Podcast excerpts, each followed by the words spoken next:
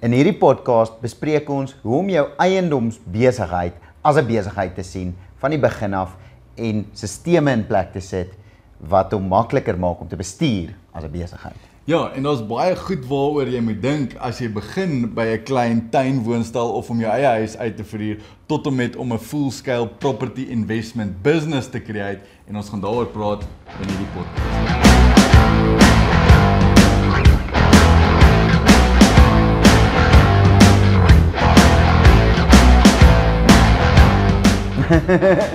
Net soos 'n 10 en 'n 15 want ons wil eintlik half op 15 Ja, ja dink ons kat hom op 15. of klaar maak daarso. OK. Okay, is jy reg? Ja. Dan sien jy dit. Ja. Okay, great. So baie mense ehm um, begin met eiendom as 'n side hustle. Jy weet hulle koop eintlik 'n woonstel waarin hy en sy vrou bly en dan koop hulle 'n huis, maar dan hou hulle die woonstel vir hierdie woonstel. Jy weet, so ek dink ehm um, baie mense begin tipies hierdie hele ding per ongeluk. Jy weet, en en dan sien hulle, okay, ek maak 'n klein bietjie geld, so miskien is hierdie eiendom nie bad nie. Of hy het Robert Kiyosaki se boek gelees of hmm. sy pa het nog altyd 'n paar woonstelle of jy weet, mense mense val per ongeluk in dit of hulle of hulle dink dit is meer as wat dit is of is makliker as wat dit is. Jy weet, en dan begin ouens met hierdie tipiese ehm um, proses van eiendomsbelegging onbepland. Jy weet, en en en val amper net half in dit in. En en voordat enigiemand uh weer daaroor dink, wil ek sommer van van die bat of sê daar's niks fout daarmee nie. Ja. Ek meen baie mense begin Dis hoe baie regte besighede ook begin. So. Ja, en baie mense begin hulle eiendomsportefeulje met die tuinwoonstel in die Ja, erf en ja. en daar's niks fout daarmee nie en dit is 'n baie natural manier. Dit dis amper die jou- beste manier om dit te doen. Ja, dis 'n baie natural manier is die, eh, om om jou eiendomsportefeulje te begin. Ja. Of baie keer erf iemand 'n huis van Ja. hulle ouers af of Ja. so en hulle gebruik dit dan as 'n investment property en daar's daar's nie dis nie verkeerd om so te begin. In feite, dis hoe ek begin het en ek dink dis amper hoe jy ook begin het, reg? Ja, ek het Nou, ek het die Robert Kiyosaki se boek Geboek en gelees, besluit dis een van daai twee. Ja. Uh ja, so so ek dink dit is nie 'n slegte manier om so te begin nie. Dis 'n goeie manier. Jy kry 'n bietjie vir alles jy nou net 'n tuin woonstel moes renovate om uit te verhuur. Kry 'n bietjie hands-on Jy experience. het 100 000 rand spandeer en dis al jou spaargeld gewees.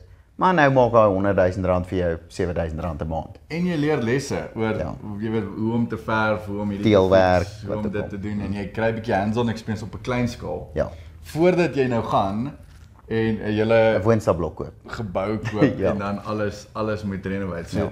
so dis dis not necessarily bad, maar dan die vraag is nou okay, as jy nou so begin het, hoe verander jy dit nou in 'n regte besigheid? Want Ja. to be honest, soos wat jy net nou vir my genoem het off camera, jy het gesê soos geen eiendomsportefeulje is regtig passief nie. En baie mense dink eh, en en ek dink Dit word verkoop as hierdie passiewe inkomste.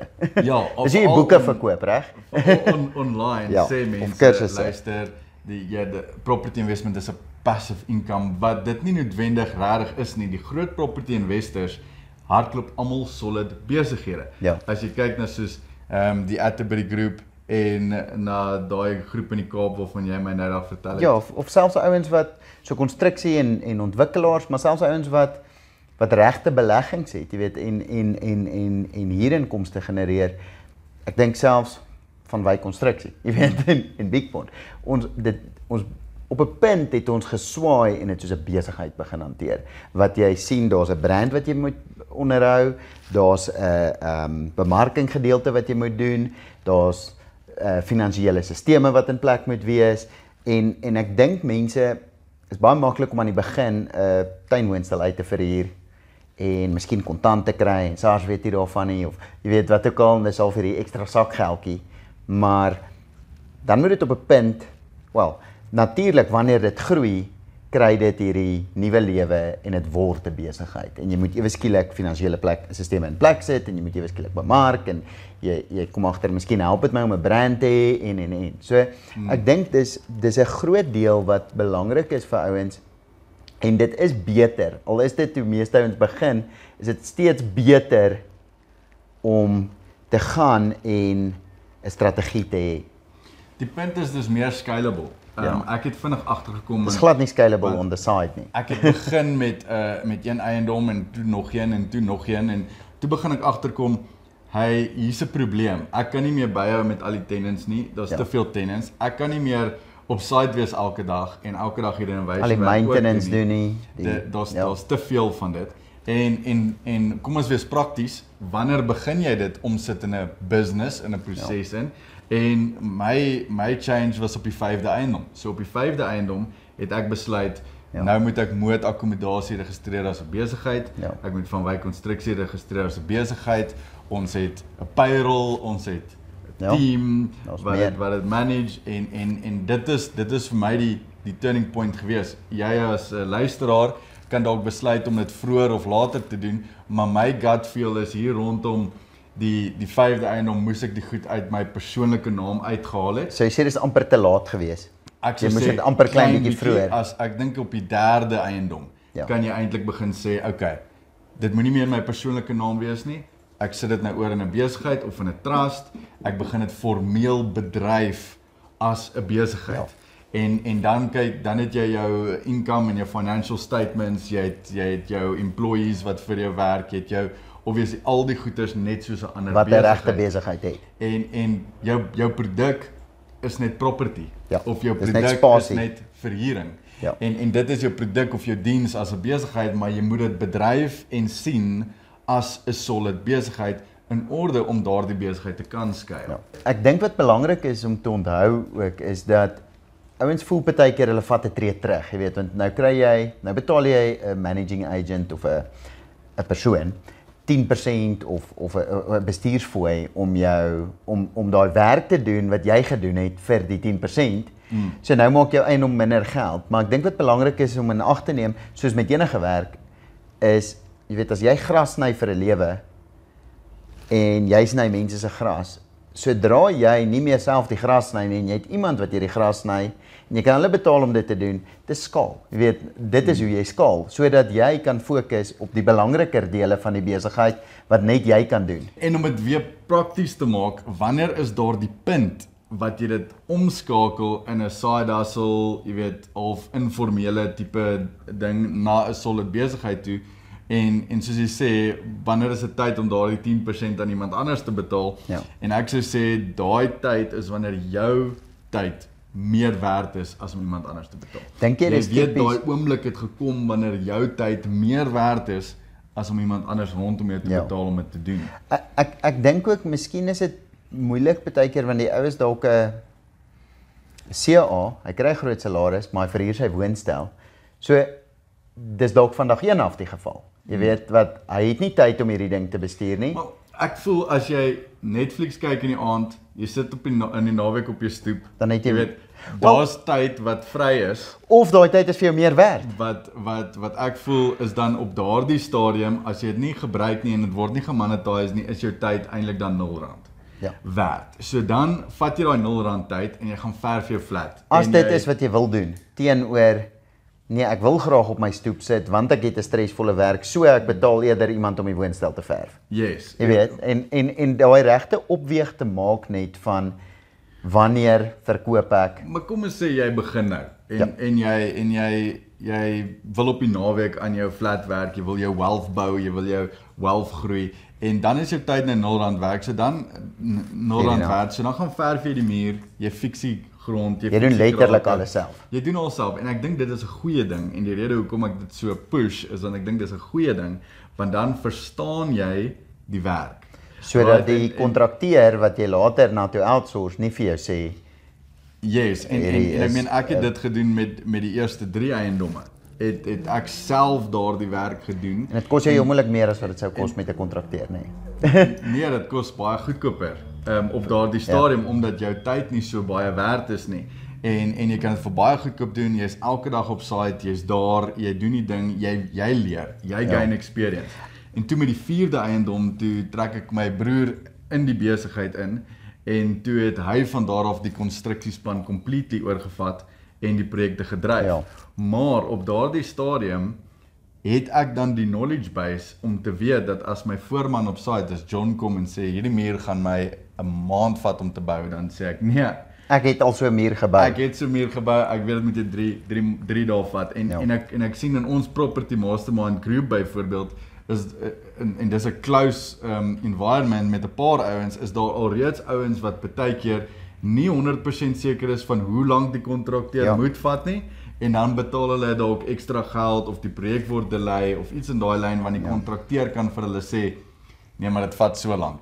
Kom terug na jy moet weet toe. En en ek Kennis, en, ek- en nee. ek dink as jy as jy daardie initial phase eers dit self doen, jy verhuur Ja. ja. self die tenants uit. Jy interview self die tenants so jy weet waarvoor om te kyk Hoe lyk 'n tipiese huurder wat in jou plekke huur? En en en jy weet wat om vooruit te kyk, wat om te vermy, jy weet wat se Ja. ja. tenants is goeie tenants en daar al daardie experience mm. kan jy dan later oordra aan 'n tenant manager. Ja. En en weer eens met die vyfde eiendom het ek toe 'n persoon aangestel wat al my tenants manage Ja. en en hier agreements manage en opcheck op hulle, maar toe kon ek al daardie experience wat ek het oordra aan haar Ja. om seker te maak dat sy presies weet wat is 'n goeie tenant. So so met dit als gesê, jy kan begin dit met dit as 'n side hustle totdat jou tyd begin meer werd raak as om iemand 'n salaris te betaal om dit te doen, maar dan het jy dan tydens daardie opbou van jou besigheid daai experience Leer gekry ook, ja. en daai leerskool deurgegaan. Ja, ja. En en dan waarvan ons dan nou praat, wat dan? Hoe hoe sou jy sê verander jy hierdie meer in 'n besigheid? Jy sê ons praat van ons kry meer stelsels. So een stelsel is jy kry iemand wat jou huurders be- bestuur, reg? Ehm um, jy het iemand aangestel. Ja. Voltyds aangestel Voltydse want jy het 'n wa, want jy het genoeg om dit te verify uh, te validate. Ehm um, ander persone sal dalk net 'n agent aanstel en hom 'n kommissie betaal. Ehm um, per per per eiendom wat so hy dis vir meer 'n leaner metode omdat jy nie ja. maar heeltyd so baie stelsel wat in nie. plek gaan, reg? So dan tweedens dink ek 'n volgende stelsel is sekerlik maintenance, jy weet, daar's soos ons weet die eiendom bly nie perfek vir ewig nie, die Ja. in fact. En en weer eens soos jy sê dit hang af. As jy nou net een eiendom of 3 het, uh kort jy dalk 'n 'n 'n tydelike maintenance persoon, so jy betaal hulle per job waarvoor hulle wat uitkom. kan verf en bietjie 'n gebreekte venster en, en vervang en per instance wat hy uitkom. Ja. Nou op die long run is dit duurder as om iemand voltyds te uh, employ. Ja. as jy genoeg eiendomme het Ja. om daardie persoon voltyds besig te hou. Selfs met die managing ein- uh, agent met die tenants, jy kan 'n managing agent kry wat 10% kommissie vat of as jy 10 eiendomme het, kan jy iemand aanstel wat jy 'n vaste salaris betaal Ja. omdat al genoeg eiendomme is en genoeg tenants is om daardie te persoon heeltyd besig Weer eens soos elke besigheid, indien jy 'n marketing agency, 'n grafiese ontwerp agentskap het, dalk het jy doen jy heel moontlik self logootjies vir mense en websites vir mense vir 'n rukkie totdat dit nie meer sin maak om jou tyd daaraan te spandeer nie. Dan begin jy dalk freelancers gebruik om jou net te help op sekere projekte. Presies. En dan later begin jy iemand dan Voltyds aanstel. wat voltyds werk. So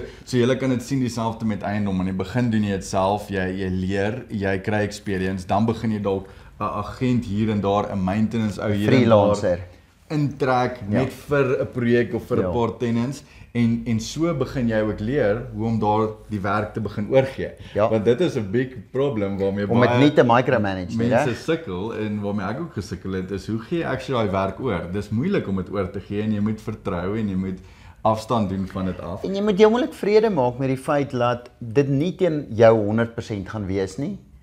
Jy kry 100% of jy kry 80% van jou tyd terug en die persoon doen dit dalk teen 70 of 80% want dit is nie hulle baba nie, soos wat dit jou baba is nie. Hmm. So ek dink dit is belangrik om te sê soos jy sê gee dit oor.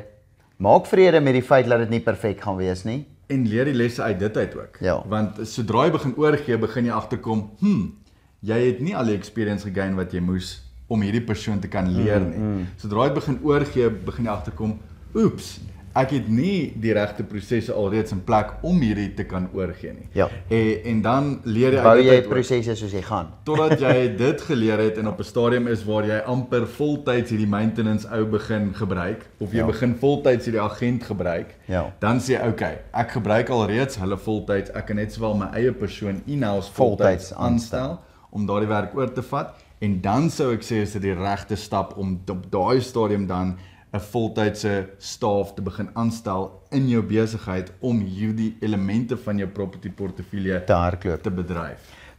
Sou jy sê daar's iets anderste of dink jy dit is grootliks hoe jy jou bes, jou jou side hustle eiendom convert na besigheid toe? Ja, stap vir stap, stukkie vir stukkie. Moenie vandag een af 'n company stig, 10 eiendomme daar binne inkoop, 'n Ja. property manager aanstel. Net omdat jy die geld Jy het nie. En, en en dan val alles uitmekaar uit want Ja. daar's nie daardie onderliggende soos wat jy genoem het prosesse wat daarin is wat jy oor tyd moet opbou nie. So sal Ongelukkig vat daai tyd om op te bou. Ek dink nie jy kan dit vat dit stap in dag stap. 1 insit nie. Ja. Daar's baie ouens wat dink hulle kan. En dit is wat ek waar ek altyd 'n probleem het met ouens wat uitgaan en sê ek het hierdie property deal, hy gaan 'n investor kry, die investor gaan die geld gee.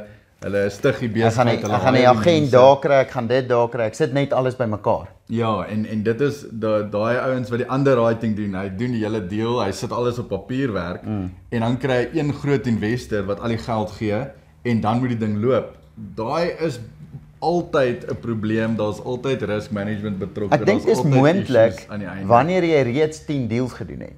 Jy Ja, weet, ewe skielik kan verstaan jy al hierdie ge- bewegende parte en jy kan dit bymekaar sit.